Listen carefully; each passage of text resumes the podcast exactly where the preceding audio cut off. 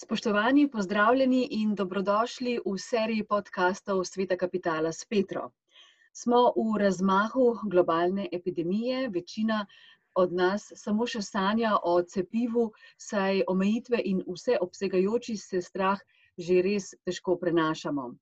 Vsi se na svoj bolj ali manj kreativen način borimo za preživetje, tudi na delovnem mestu, in vse bolj se razgaljamo in spuščamo v zasebne prostore, tako znance kot neznance, samo zato, da bi bili, da bi obstali.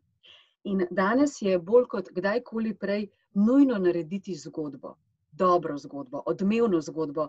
In to predvsem velja za tista podjetja, ki ne želijo potoniti in se samo izbrisati iz zemljevida najboljših. Moje ime je Petra Kovič in sem odgovorna urednica Sveta kapitala. Berete, poslušate in gledate nas lahko na spletni strani trikrat dvojni ve.svetkapitala.si. Srečate pa po pandemiji zagotovo tam, kjer o poslu, o poslovnih modelih, strategijah, globalnem in lokalnem gospodarstvu odmeva drugačna, predvsem pa humana perspektiva. Ja, kapitalu skušamo že več kot pet let nadeti bolj prijazen, bolj human človeški obraz.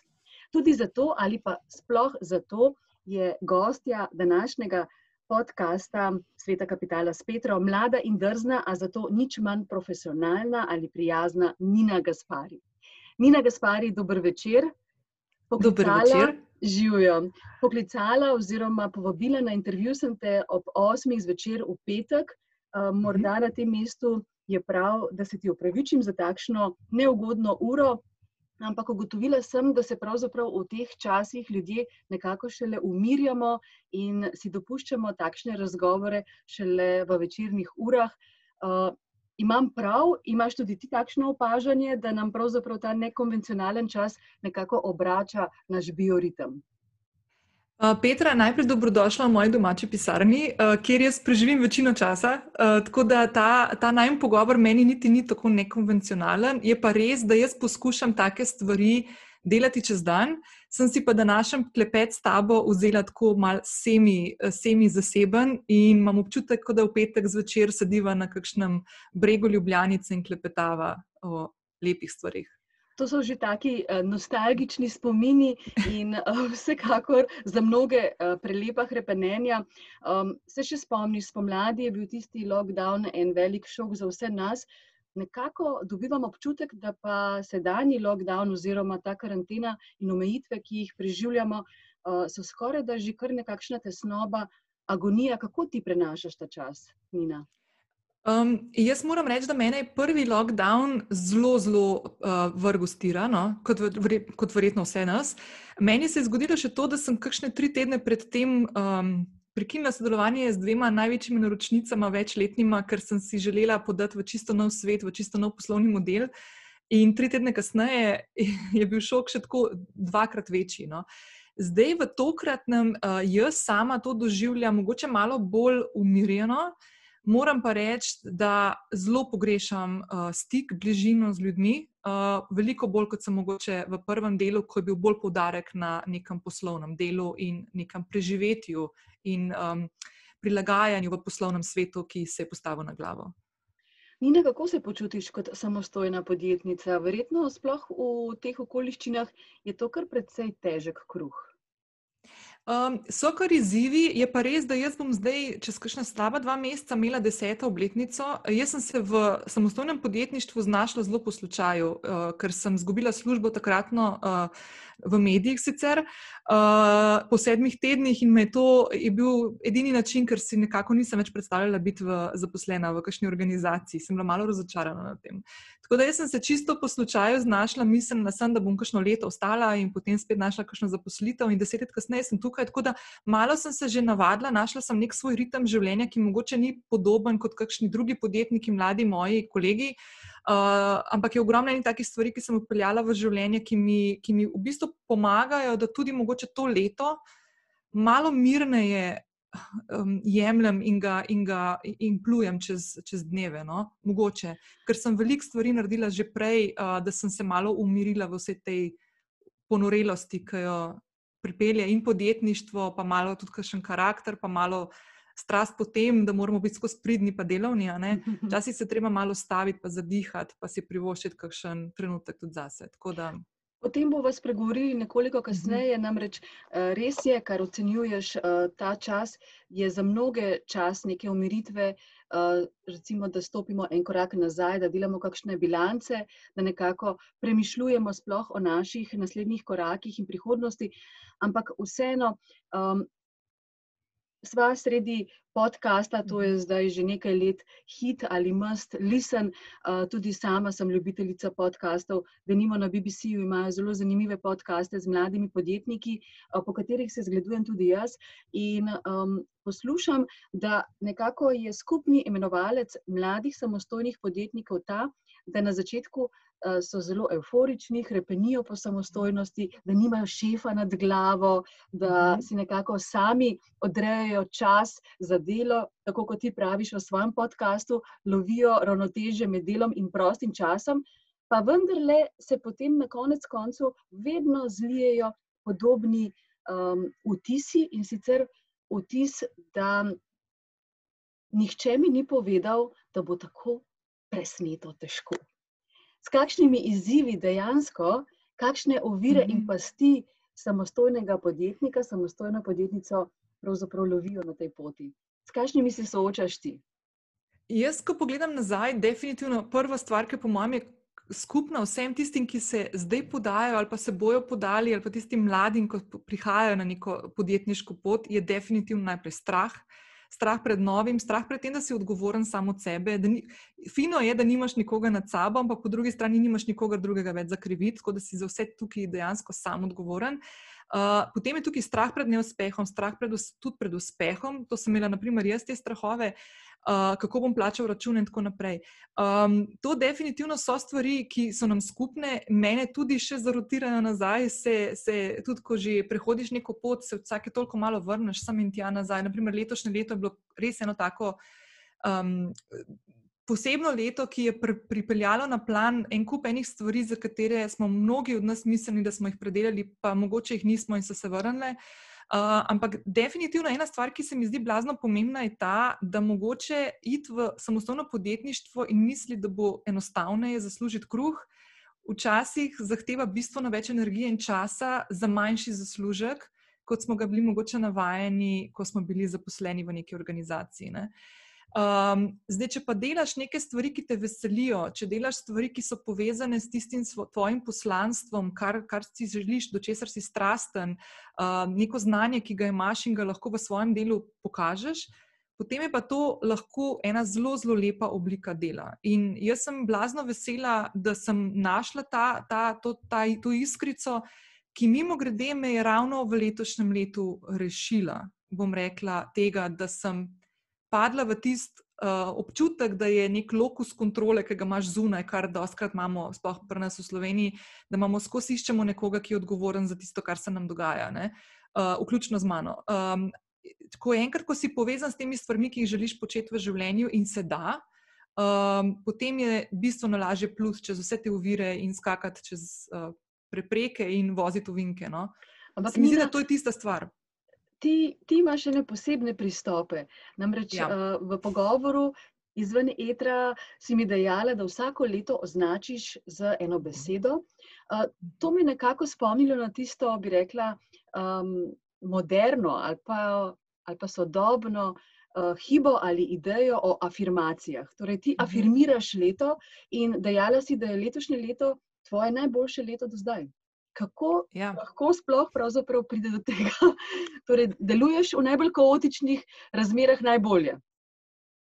Ja, ne vem, če bi se, mislim, mogoče bo to zdaj tako zvenelo, čeprav jaz ne maram teh stresov. Jaz, jaz sem imela v življenju že toliko enih stvari, sem dala skozi tudi stresnih, tudi skoraj da izgorelost, uh, da, da si tega res ne želim več ponoviti. Je pa res to, da zadnjih dve, tri leta delam na tem, da dajem letu, ki prihaja, besedo. In za letošnje leto sem si v začetku januarja izbrala besedo rast ker sem si želela presegati svoje strahove in ukvirje, in sem bila odločena, da bom naredila neke no novosti v svojem poslovanju, ki sem jih potem februarja, tik pred karanteno, prvo tudi naredila, ne da bi vedela, kaj me čaka, mogoče boljše, da nisem vedela, kaj nas čaka. Uh, in in zaprla tisto knjižico, in jo bom odprla šele januarja naslednje leto. Ne?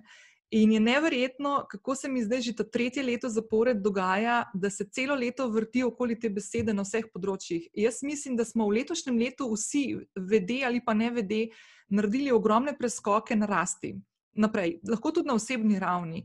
Uh, vrglo nas je iz nekih osi, vrglo nas je iz neke cone obdobja, uh, prisiljeni smo bili, da smo se tako ali drugače soočili z nekimi spremembami v svetu in smo si mogli ta svet nov usmisliti. In jaz mislim, da so bile to ključne stvari, ki so, naprimer, konkretno mene potisnile toliko naprej kot podjetnico, da sem po desetih letih dejansko peljala tiste stvari, ki sem jih že leta načrtovala. Naprimer, jaz sem v desetih dneh postavila spletno trgovino in je danes eden od mojih pomembnejših virov prihodka, eden oče dodatni. Ne? In se mi zdi to nekaj neverjetnega, ker če se ne bi to zgodilo, verjetno bi se danes pogovarjali in še ne bi imela teh stvari narejenih. Ne? Tako da en kup enih takih odločitev se je zgodilo, ki je potem na koncu prispevalo, da je moje leto letos ne samo finančno ne najbolj uspešno, ampak dejansko na vseh ravneh. Uh, jaz, jaz svojega poslovanja in podjetništva ne gledam samo skozi finance in skozi bilanco, le, končno, ampak dejansko tudi na tem, kaj sem v tem letu naredila na sebi, koliko sem zrasla in koliko bolj sem se pripravljala za naprej, za naslednje uspehe, ki verjamem, da pridejo v naslednjih letih. Nina Gaspari, mi dve smo se spoznali med največjim razmahom ene izmed najbolj odmevnih zgodb, ki so povezale Manhattan in Ljubljano. To je bilo leta 2009-2008, pravzaprav ja. začetek krize, pa vendarle ste skupaj z ekipo iz New Yorka in pa z ekipo iz podjetja Fruktal začeli neko edinstveno zgodbo razvijati, ste začeli vodko iz Ajde in sicer pod blagovno znamko Slovenija vodka. Eh, to je bila zgodba, pa pol. Kako se spomniš takratnega časa in predvsem, kaj je bila tista glavna začimba te zelo pomembne promocije, ker lahko imamo odlične ideje, odlične storitve, odlične izdelke, ampak če ni v zadnji zgodbe, če ni dobre promocije in tega motorja, lahko ostane kar nekaj na policiji. Ja, ne, to zgodbe, zgodbe so tiste, ki dejansko pripeljajo zanimanje in ljudi, ki želijo potem kupiti ali naročiti neki izdelek ali pa storitev. In pri Sloveniji vodki, jaz sem imela to srečo, da sem bila od prvega dneva zraven, od trenutka, ko je bila dejansko ta ideja na papirčku, enem servetku narisana. Uh, in sem lahko spremljala tudi kot PR-ovka, ki sem po profesiji. Uh, Uh, od samega začetka zgodbe, kako se je razvijala, mi je bilo potem bistveno lažje oblikovati zgodbe, ki bi bile zanimive na koncu za novinarje ali pa za družabna omrežja ali pa konec koncev za kupce. In tukaj se je v tej zgodbi malo poklopilo, malo je bilo mogoče narejeno tako. Um, Po taki šabloni, ki, po kateri delajo mednarodne znamke, da imaš dober izdelek, ki je kakovosten izdelek, ki stoji malo ven. Je, tukaj v tem primeru je, bil, je bila ime Slovenija, je, bil, je bila steklenica, ki so jo naredili v steklarni hrastnik, ki je bila res posebna, ker je imela ostre robove, je bila kvadratna, je že iz, iz police ali pa backbara izstopala. In seveda so bili potem tukaj še zvezdniki, ki so bili ne samo ambasadori blagovne znamke, ampak tudi investitorji. In to sta bila Bill Murray, igralec, in baletnik in igralec Mikhail Barišnikov. Eh, ki sta tukaj s svojima prepoznavnima imena in stasom in glasom eh, poskrbela še za to, da, da sta dala in dodaten pečatne. In je ta zgodba, moram reči, da je bila, po mojem, ena od teh ključnih v mojih prek 16 letih dela na tem področju, v kateri sem res uživala in blazno všeč mi je bilo, kako je bilo tudi ljudem zanimivo. Ne? Eh, in medijem, konc koncev, s katerimi sem veliko delala, novinarjem kot si ti, in, um, in konec koncev tudi publiki, ne, ki je bila ponosna. Še ena stvar, mogoče tukaj Petra, no, da tukaj je bil ta izdelek, ki je bil narejen primarno za ameriški trg. Ne, in se mi zdi, da tudi ta um, občutek, ki ga imamo, da nekdo v tujini prepozna nas. Ne, Se mi zdi, da je tle zelo veliko težo tudi dal no, uh, temu, temu celemu projektu, da, da je mogoče to, kar mi včasih smo, znamo biti taki, malo mal se znamo postaviti v kot, malo se, mal, mal se da, dajemo dol. Ne. In se mi zdi, da je ta stvar, jaz, na primer, um, v življenju nisem na toliko ponosna, da sem slovenka, kot sem bila, ko sem sredi Manhattna imela uh, zabavo ob lansiranju tega izdelka. In sem videla tiste obraze tistih američanov tam, ki so si fulž želeli biti v Sloveniji, ker so gledali v neslike in niso mogli biti tam. Jaz sem si pa mislila, da jaz prihajam iz najkrasnejše države na svetu. Nina, v tem času je poplava vlogerjev, blogerjev, opinion makerjev. Um, kako ključna pa je dejansko in kako je treba izbirati pravilno, če smo seveda recimo lastniki ali direktori podjetij, koga izbrati za opinion makerja, ker na vse zadnje lahko en zelo kredibilen naredi velik pomp okrog um, in verodostojen pomp okrog izdelka ali storitve, ki ga ponujaš ali želiš lansirati na trg, lahko ti naredi pa kar precejšno škodo. Uh, kako pravzaprav ti to sceno ocenjuješ, jo opazuješ, kako kritično presojaš? Um, jaz mislim, da je predvsem tukaj potreben čas in ena taka konkretna razdelava tistega, za koga se odločiš. Ne? Zdaj, če govorimo o nekih opinion makerjih, ki imajo neke svoje platforme, pri katerih um, pošiljajo svojo vsebino svojim odjemalcem, uh, potem je tukaj najprej treba preveriti, če se sploh križata te dve, te dve, te dva naslovnika, se pravi um, publika oziroma skupnost, ki sledi temu človeku, ne glede na to, kje to je. In tista publika, ki dejansko ti nagovarjaš kot podjetje z izdelkom, storitvijo, blagovno znamko. Ne. To je prva stvar, in se mi zdi, da tukaj se že v tem štartu veliko stvari podre. Uh, veliko krat smo obremenjeni s tem, da nagovarjamo tiste, ki so najbolj prepoznavni, da so tiste, tiste ki imajo največje publike in tako naprej, neke makro, makro uh, ljudi. Uh, Je pa ogromno njih manjših, ki imajo veliko bolj upeto publiko, ki z njimi komunicira, ki jim veliko bolj zaupa, tudi zato, ker imajo nekoliko bolj neposreden odnos do njih. Ne.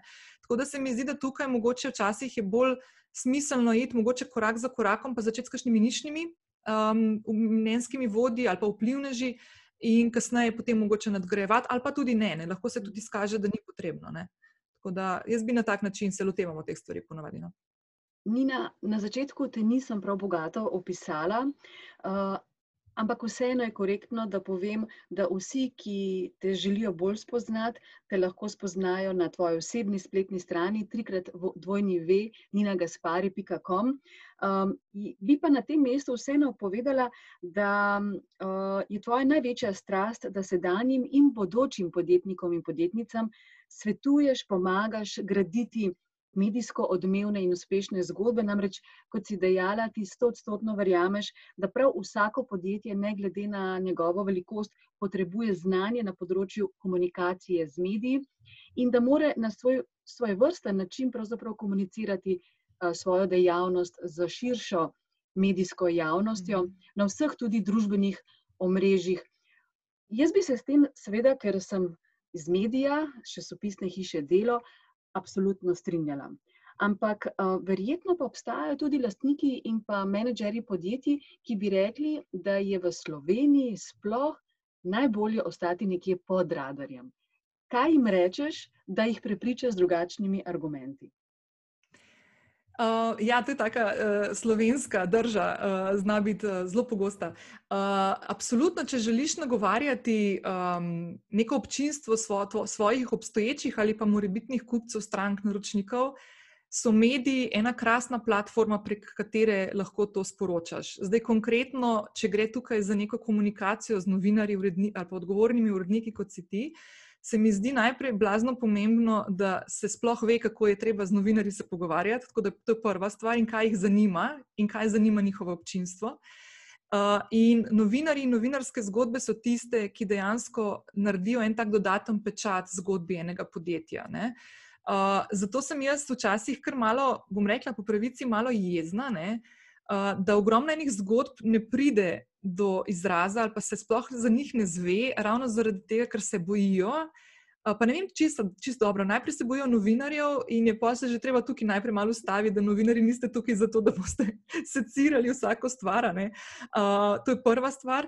In druga stvar je, da novinari in mediji so ena od ključnih in najbolj pomembnih stvari, ki jih moramo v vsaki državi držati gor. Uh, In to mhm. od ljudi, ki, smo, uh, ki delamo z vami, do ljudi, ki so konec koncev oglaševalci, in do publike, državljanov in državljank, ki moramo medije podpirati, zato ker svet brez medijev, si ga rajš niti ne predstavljamo. Če mislimo, da imamo zdaj slabe razmere, bi bilo brez medijev še veliko slabše. Uh, tako da jaz mislim, da z dobrimi zgodbami uh, s katerimi lahko nagovoriš pravega novinarja, prav medij in s tem tudi pravo občinstvo, so lahko zelo, zelo, zelo dobre in um, pomembni koraki v, v nekem grajenju neke podobe in ugleda, konec koncev podjetja ali pa podjetnika, neke blagovne znamke, izdelka ali pa storitve.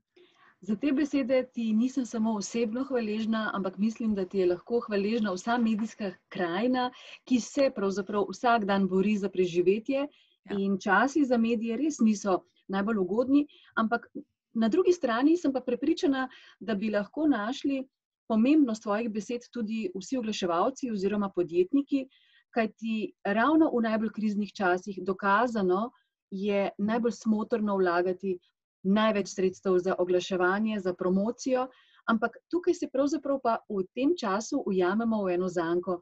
Namreč uh, več ne vemo v medijskih hišah, kako naj zadovoljimo želje, hotenja oglaševalcev.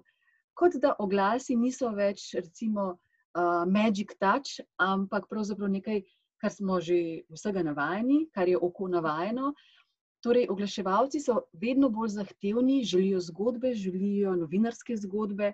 Kako pravzaprav ti, kot strokovnjakinja za medije, ki svetuje oglaševalcem, podjetnikom, najdete pravzaprav pravo pot, da na konec koncev pridemo do zgodbe, ki je relevantna za bralce, ki uspe prepričati kupce, kjer se novinar z lahkoto podpiše, in tudi na vse zadnje, da je podjetnik pravzaprav zadovoljen z učinki. In kakšni sploh so učinki medijske objave? Uh, to je zelo, zelo kompleksno vprašanje, o katerem bi jaz lahko govorila tako le zdaj, ne štiri ure. Ampak uh, predvsem prva stvar, uh, ki jo jaz vedno, ko se pogovarjam z mojimi naročniki, s katerimi uh, trenutno delam na stvarih, da jih v bistvu izobražujem, kako te stvari delajo in pripravljajo, bolj kot to, da bi potem jaz bila tista, ki te stvari izvajam, ampak jih raje naučim, da se to naučijo sami. Uh, Prva stvar je, da sploh morajo razumeti, kako mediji funkcionirajo. In ena od ključnih stvari tukaj je, da morajo vedeti tudi, odkje prihajajo prihodki, da ste mediji podjetja. Uh, in da tukaj najprej razčistimo, kaj je to, da delaš z novinarjem in kaj je to, da delaš z tržnim odel, tr, oddelkom trženja, gre, kamor grejo potem naprimer oglaševalske vsebine. Tako da to je prva stvar in jaz sem vedno pristaš tega, da se poskuša delati preplet. Se pravi, da se ne gre samo skozi neke PR vsebine, ampak da se tukaj dejansko tudi gre skozi neko podpiranje nekih dodatnih plačljivih vsebin, rečemo temu tako. Uh, Druga stvar, ki je, morate, morajo oglaševalci vedno najprej, preden sploh kam, kogarkoli pokličejo, najprej sploh razumeti, katera je publika. Naprimer, svet kapitala, kakšno občinstvo ima, kaj to občinstvo zanima, katere so tiste ključne stične točke, ki jih imamo s tem občinstvom, ali pa jih nimamo. Mogoče jih mhm. nimamo in potem je mogoče nesmiselno mm. komunicirati skozi svet kapitala, ker tukaj ni naše baze, ki bi to, ali pa ni občinstva, ki bi ga take teme zanimale. Ne. To je druga stvar. In tretja stvar, če govorimo konkretno o novinarjih, spet se vračam k temu, da je treba razumeti, kako vi funkcionirate, na kakšen način želite zgodbe uh, dobiti servirane na krožniku, oziroma kaj potrebujete za svoje delo. In tukaj je treba razumeti vašo dinamiko. In to, kar si omenila in smo omenili že nekaj prej. Um, svet, v katerem se danes nahajamo, mediji sicer imate že kar nekaj časa, velike izzive, no, ampak v letošnjem letu se mi zdi, bom jaz zdaj kratko malo ostrano, da sem blazno žalostna, ker uh, se mi zdi, da se veliko poroča v letošnjem letu konkretno o tem, um, da podjetja še vedno vlagajo v oglaševanje. Uh, da se to sicer, da se, ni, da se je malo prerasporedilo, ampak da ni konkretnih razlik od prej, ne, po nekih podatkih, dejansko pa stran med, na, druga stran na medijih bistveno drugačna. Ne. Dejansko se zelo, zelo močno čuti uh, situacija letošnja v medijih, bistveno bolj kot naprimer ne bi se kazala po besedah oglaševalcev. In tukaj se mi zdi, da prihaja do tega, da se ustavljajo tiste stvari. Ustavljajo tudi tisti oglaševalci, ki dejansko lahko v času pandemije obratujejo, rečemo tako po domače. Ne? In uh, tukaj je tista stvar, ki je žalostna, zato ker to so investicije v prihodnost, investicije v blagovno znamko. Konec koncev gre tukaj za neko družbeno odgovorno držo, po mojem mnenju. In jaz bi si želela od teh, sploh teh večjih um, oglaševalcev in nekih. Pomembnih podjetij, da bi tukaj imeli mičken bolj senzibilen odnos na trenutke, no? če si iskreno. Nekonvencionalni časi, mm, ja. črno-beli svet, eh, na eni strani takšna mnenja, na drugi strani povsem drugačna, diametralno nasprotna, ampak vendarle vsi si želimo blagovne znamke nekako um, nadgrajevati, nekako negovati njihov ogled Kaj pa bi rekla v tem času, ko so trgovine zaprte, ko ni več sejmov, ko ni več takšnih možnosti za različne promocije, kako v tem času graditi in nadgrajevati ugled blagovne znamke? Kako priti, priti do kupca? Namreč ti si se v zelo živahnih in dinamičnih časih podpisala pod dobro promocijo tudi odprte kuhne, ki jo pravzaprav poznamo vsi v Sloveniji in je pravzaprav nek fenomen, ki deluje in ki privlači in je pravi magnet. Po drugi strani si se pa ravno v letošnjem letu podpisala pod zelo zanimiv koncept, namreč izvajala si joge, torej tečaje ali pa vadbe joge na prostem in privabila več sto žensk na odprto jogo.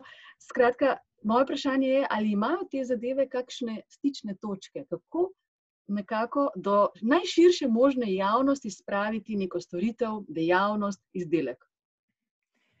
Uh, ja, zdaj, ko si me tako vprašala, sem našla eno stično točko med vsemi temi stvarmi. Ja.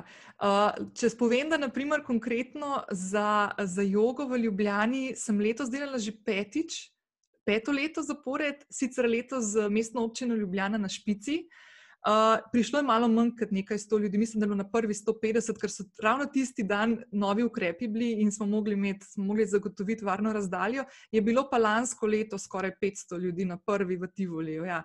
Ampak skupna točka vseh teh stvari se mi zdi, da je ena tako odprta komunikacija z ljudmi. Se pravi, da vidiš, kaj ljudje potrebujejo, kaj iščejo. Naprimer, konkretno jaz. Če povem samo za jogo v Ljubljani, jaz sem to slučajno začela. Pri meni se ogromno stvari začne tako zelo organsko in slučajno, ne da bi jaz nekaj zelo načrtovala kot neka komunikacijska strategija, sem zelo kovačeva, ko bila pri takih stvarih za sebe. Ampak uh, jaz sem naredila spit za učiteljico joge pred petimi leti in sem svoje prijatelje na Facebooku povabila prek dogodka, ki sem ga naredila, da ne pridejo in se je to razširilo in jih je prišlo skoraj sto. In tako se je začela ta zgodba z jogo v centru Ljubljana. Ne? In zdaj že peto leto. Jo, in letos tudi, da je mestna občina Ljubljana podprla, kar sem bila zelo vesela, da se je zgodilo. In uh, stvar, ki se zgodi, ustvarjaš nek prostor za komunikacijo. Zdaj, pri jogi ali pa pri odprti kuhinji je to prostor fizičen tudi. Se pravi, da se ljudje podružijo, da se imajo fajn, uh, da, da je dobra energija, da se, se zabavajo ob dobri hrani, pijači ali pa nekaj naredijo za svoje telo ali pa za svoj um. In isto filozofijo je potrebno delati tudi na blagovnih znamkah, na izdelkih in na storitvah. V tem času zdaj je blazno pomembno in je odličen čas. Da se usmerja v grajenje neke komunikacije dvosmerne. Jaz mislim, da ogromno podjetij se ne zaveda, sploh te večje podjetja, ki imajo tudi večji odtis, naprimer na, na, na družabnih omrežjih komunikacijo treba graditi dvosmerno. Pokazati je treba, kdo si se pogovarjati z ljudmi, vprašati, kaj želijo in se na to odzivati. Uh, preveč je tega še vedno, da se samo nekaj prodaja. Ne? Uh, treba je ponujati, ponujati, ponujati, ponujati, prodati. Ponujati, ponujati, ponujati, prodati. Uh mhm. -huh. Tako da treba je tukaj res graditi in pozorno poslušati ljudi, kaj si želijo, kje imajo težave, uh, s čim mi odgovarjamo, mogoče z našim izdelkom na kakšno konkretno stvar. Jaz vedno tako rečem po domačem, uh, ko se pogovarjamo o tem, kakšne vsebine pripravljati za družabno omrežje. Da če prodajemo po domače, zdaj mi je nekdo povedal, da je to vrtavka, za, za, no, bor mašina po domače. Da če prodajemo bor mašino, dejansko ne prodajemo bor mašino, ampak luknje v steni. Ne? Mi želimo imeti luknjo v steni, zato kupimo bor mašino. Torej, vsako podjetje, ko razvija komunikacijo ali za novinarja, s katerimi želi pokazati, kaj, kaj ima, pa mogoče bi bilo zanimivo za njegovo občinstvo, ali pa za državno omrežje, kje so tiste naše luknje v steni. In to so tiste stvari, če so stične z nekimi potrebami in željami in um, točkami bolečine. Ali pa rešitve, ki jih išče naša publika, je to lahko win-win situacija, ampak je premalo tega, Pre, preveč se fokusira na to, da se prodaja. Ne? Je bilo nekaj lepih primerov v letošnjem letu, tudi v Sloveniji, ko so se podjetja zelo, zelo, zelo lepo, tudi tako odgovorno uh, odgovorno lotila je, uh, komunikacije v času, ki je bila sploh v prvem delu, uh, v prvem valu, ki smo vsi malo tipali, pa se nismo upali preveč biti drzni ne, v kakšnih stvarih, zato da nam ne bo kdo rekel, da izkoriščamo kakšen trenutek. Ampak je bilo nekaj primerov res takih zelo, zelo na mestu komunikacij, ki so si podjetja dejansko zgradila zelo lojalno občinstvo, ravno zaradi tega, ker so na tak način pristopila. Veš, Nina, ko te poslušam, slišim v zadju ali med vrsticami tudi neke vrednote, katerim se ljudje v zadnjih mesecih vračajo, in to je pravzaprav poslušanje, je treba slišati. Je treba biti sočuten, hvaležen, mhm. nekako uh, vzpostavljati pristne, iskrene, uh, odnose, medčloveške odnose, skratka, ta flow med ljudmi, ki smo ga mogoče pred pandemijo kar malce pozabili, ker smo bili na, bi rekla, vrtiljaku vseh dinamičnih uh, stvari in obveznosti. In verjetno vse to pa še kaj drugega združuje, ravno tvoj hobi, ki si ga prelila tudi recimo, v del tvojega poklica in to je yoga. Pa če se lahko mhm. malce o tem pogovarjava, namreč veliko mojih prijateljic, tudi prijateljev, ki jih po službeni dožnosti poznam, sem jih spoznala ali pa pravzaprav na zasebnih področjih, se vedno bolj vračajo oziroma prihajajo k to vrstni, bolj mirni, mogoče malce bolj poduhovljeni vadbi. Kaj sem potem jaz, ki še nisem osvojila joge? Moj domet je tam nekje do pilatesa ali do nekega zavestnega dihanja vsak dan, niti meditacije ne obvladam. Torej, ali se spet delimo na dve vrsti ljudi, sem nekje jaz še prepočasna, uh, ste vi bolj napredni, kaj joga da človeku? Jaz sem, jaz sem bila do pred petih let zelo kritična do joge. Jaz sem pri 18 letih imela eno zelo slabo izkušnjo na jogo uri in se nekaj, da to pa ne bom nikoli več šla, ker sem mogla biti tiho in nič nisem smela vprašati in se nekaj, to ni za mene svet. In uh, jaz sem se v jogo slučajno vrnila, uh, tako na, na Baliju, sredi Balija me je potegnila v sebe in sem se odločila, da bom šla delati uh, učiteljski tečaj z željo, da bom sama doma znala si pripraviti jogo uro. In potem se je zgodil tisti tivoli, in, in sem začela to učiti. Ampak uh, yoga je meni, pa niti ne toliko, pod, jaz se niti ne jemljem zelo poduhovljeno, jaz sem jo vzela zelo kot telesno vadbo. Mhm. Meni je yoga v enem trenutku blazno pomenila, da sem se umirila, da sem se fokusirala na svoje telo, da sem zelo hitro, kar mi je po mojem najbolj potegnilo mene kot. Uh, osebo, ki je dinamična in vse se je prepočasi, včasih odvija. Uh, uh, me je potegnila zato, ker sem videla na svojem telesu zelo velike spremembe in se mi je zdelo blazno fajn. Jaz nisem bila nikoli ful dobro v nekih telovadnih uh, stvarih, mi je šlo vedno na živce, nikoli nisem nobene stvari resno trenirala in tako naprej. In se mi je zdelo noro, da sem pred, malo pred 40 letom začela delati stvari, ki jih nikoli prej v življenju nisem in se mi je zdelo fajn. Tako sem jaz počasi potem padla tudi v ta spiritualni del, oziroma to, da se ozavestiš, da se povežeš sam s sabo, kako koli se to zdaj ezoterično sliši. In uh, tudi te meditacije in to, to so stvari, ki so zelo osebne zadeve. Iz tega, naprimer, na jogah urah nimam, jaz imam bolj telesni vidik in še to imam tako dinamično jogo, da smo na koncu malo prešvicani, da nimaš časa razmišljati o stvarih, kar je tudi del meditacije.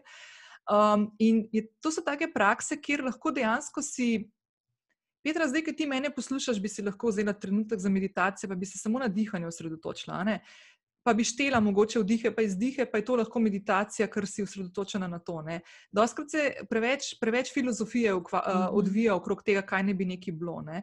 In meni se zdijo take stvari, do katerih sem bila še nedolgo nazaj zelo kritična, naprimer praksa hvaležnosti, afirmacije, uh, meditacija. Če bi ja. meni to kdo pred petimi leti rekel: Zaupanje vesolju, odpiranje čakr pusti, ja, pusti, vse se bo, zgod, se bo postavilo. Ampak jaz sem res. Prepusti mislim, se, ja. ja. Prepusti se toku, ne preveč nadzorovati. Ampak le peta, če si iskreno, pa lahko se sliši kot kar smešen. Ampak jaz v letošnjem letu sem res v enem trenutku, po tistih dveh tednih, ko nas je metalo, marca, meseca, sem in tja, prva dva tedna, jaz sem res spustila. Jaz sem spustila vajeti in sem rekla, evo, le, gremo akcija, zdaj moramo nekaj naštudirati, nekaj se mora zgoditi. In se je zgodilo, vem, in zdaj, ko naprimer pomislim naprej na naslednje leto, moram reči, da sem človek, ki, ga, ki sem do dveh, treh let nazaj živela v konstantnem strahu pred vsemi stvarmi. Strah pred uspehom, neuspehom. Jaz sem to imela ponotranjeno še iz otroštva.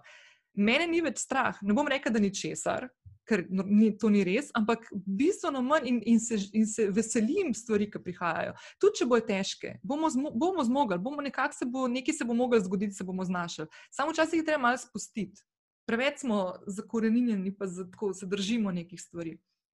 Da, eno stvar, ki sem letos, uh, stvar, sem letos slišala. Um, In mi je blazno, mi je všeč, pa tudi sem si knjigo naštimila, ti bom pa še pokazala, je, da, da je predvsem za podjetnike, ampak tudi za druge ljudi, tudi če smo zaposleni, da je fulž fino v življenju igrati igre, ki nimajo konca. Mi smo skozi imamo to obsedenost, da pridemo do nekega cilja. Ne? Jaz se spomnim, ko sem ene tri leta nazaj naredila to uh, uh, besedno zvezo, lovim ravnoteže, pod katero zdaj tudi oddajam podcast in tako naprej. Mm. Jaz sem to takrat naredila, zato ker sem imela občutek, da sem ujela ravnotežje in se mi je zdelo blazno fajn, končno sem jaz to zdaj ugotovila. V bistvu ga nisem ne, in ga nikoli ne bom, ker ga ne, ker se lahko zgodi jutri da, ali pa danes, ko mi va zaključiva, da se zgodi nekaj in me bo vrgla klic ali mail bo preletel ali nekaj, ne, ali pa soseda bo potrkala, pa, se, pa je bo puščala voda, naprimer, pa mi bo uničila večer petkov. Dejansko ni fora v tem, da ti ujameš ravnotežje, ampak da uživaš na neki poti, po kateri pluješ skozi življenje. Ne? In tako na podjetniški ravni ali pa na zasebni. In ko najdeš nek ta flow in se prepustiš, jaz mislim, da je to tisto, da loviš ravnotežje, ne pa da si usredotočen na tisti cilj, ki si se ga postavil. Ne? Pot mora biti pomembna. Ja, o tem je že Nec Zaplotnik veliko pisal, um, o ciljih in o poteh. Vsekakor se strinjam, um, ampak slišim pa tudi, ne, da pravzaprav se je zdaj, sploh v tej karanteni in tako naprej, ko delamo od doma, kar delovnik uh, razmahnil na več kot 12 ur. Da pravzaprav uh, nismo še vešči tega pravega bioritma, da kar nekako še službene stvari zvečer opravljamo, tako kot pravzaprav mi zdaj, v petek zvečer. Skratka, verjetno se bo še nekaj vode preteklo, predno bomo dejansko najdli pravi bioritem v tej novi realnosti. Ampak res, Nina Gaspari, za konec tega najnega pogovora, um, za kar sem ti zelo hvaležna, da si si vzela uh, čas in da si nam dala to priložnost. Uh, me zanima, jaz recimo sem v letošnjem letu po dolgih letih dala priložnost ljubezenskim dobrim romanom z namenom, da pobegnem od te, bi rekla, krute realnosti. Pa me zanima, kaj tebe recimo v tem času najbolj inspirira, katere knjige, glasba, podcasti. Seveda, pripravljaš svojega, in veliko pozornosti, verjetno, se staka v tvoj podcast, uh, lovljenje ravnotežja med delom. Lovim ravnotežje. Tako, lovim ravnotežje. lovim ravnotežje, pa gre v bistvu za med delovnim časom in pa med prostim časom. Nekako tako sem razumela. Ne? Ja, vedno, vedno gre za neko tako dinamiko. Tudi ljudi, ki jih gostim, vedno so neke take teme povezane z obema stranema. Uh Mhm. -huh. Ampak načeloma letos, tako kot ti, tudi jaz nisem mogla nekih težkih tem, uh, uh, niti filmov, niti nis, enostavno ni šlo tako, da sem bila tudi jaz zelo velik na romantičnih komedijah in kakšnih takih serijah, bolj lahkotnih. Uh, sem prebrala nekaj knjig, eno bom pokazala, ker mi je res full fine. Um, drugače pa tako. Dej, aj, kar pokažem. Ja, to, de, to knjigo, uh, Robert Iger je bil 15 let predsednik uprave Disneyja. Mislim, da je februarja letos uh, šel v penzijo in se potem vrnil, ko se je začela korona tudi v Ameriki. Um, ful je fajn, to je knjiga, ki jo mora prebrati vsak menedžer, vsak vodja, pa tudi vsak zaposleni, da bo uh, svo, od svojega šefa to zahteval. Ampak je tako fajn, ker je knjiga razdeljena na dva dela, um, na enem, kako se je učil, in na drugem, kako je vodil. In uh, že na samih platnicah, pa sem prevedla, zato ker bi to res rada izpostavila, je dal sedem principov dobrega vodenja oziroma leadershipa in je napisal, da mora biti optimizem, pogum, osredotočenost, odločnost, radovednost, poštenost, premišljenost in integriteta. In se mi zdi, da če bi vsak od nas imel in, ali pa šel v to smer, bi bil svet fulep. Vsi. Uh, tako da jaz, na primer, rada. To so pravzaprav tako lahkotne stvari. To so tiste stvari, o katerih smo poslušali kot o vrednotah, že kot, že kot otroci. Kot otroci. Uh -huh. In jih potem pozabili. Kaj se je zgodilo ne? potem na poti? Da smo ne postali vem. družba arogantnih, prevzetnih individualistov. Ja, veš, to mene skrbi, ker si prej omenil, da smo se malo vrnili k koreninam. Ne? Se mi zdi, da je res to, po drugi strani pa upam, no, da bo to držalo, da ne bo ta situacija se zapletala na način, da, bomo, da bo postajal kakšen tak individualen boj, ne? en proti drugemu. Ne? Kar na trenutke je že mal dišalo potem, pa upam, da ne bo. No? Ampak to so take vrednote, ki dejansko um, ne vem, kaj se zgodi, ko ljudje pridejo do nek položaj ali pa na neko oblast ali pa do neke moči, kot bi malo pozabili. Ne? Um, treba se zavedati, da delamo, mislim, iskreno povedano, vedno, ko nekaj daš, bi moglo biti boljše, kot dobiš. Ne? In um, jaz, na primer, sem blazno vesela ravno zaradi tega, no, in podcaste, ki jih poslušam, in te, ki jih jaz oddajam vsak petek. Um, jaz sem blazno vesela, da obstajajo tudi v Sloveniji zdaj vedno več teh uh, ljudi in ustvarjalcev vsebin, ki dajo res, res dobre stvari. Zdaj, naprimer, čisto slovenski podcasti, a ideja je full dobro, uh, potem uh, Renesansa podcast, te podjetniški, mm -hmm. mogoče bolj od teh novejših. Uh, potem itak jih je še en kupno. Ampak pa pa knjige, um, pa predvsem, kaj sem v zadnjem letu namenila ogromno časa izobraževanju. Jaz sem naredila toliko enih spletnih tečajev, da jih ne znam več prešteti. In druga stvar, ki je, da sem jih sama začela tudi delati. Ravno v tem tednu smo z dvema prijateljicama, Mojco Žove in Mašo Mazi, naredili tri dnevno delavnico v živo prek spleta.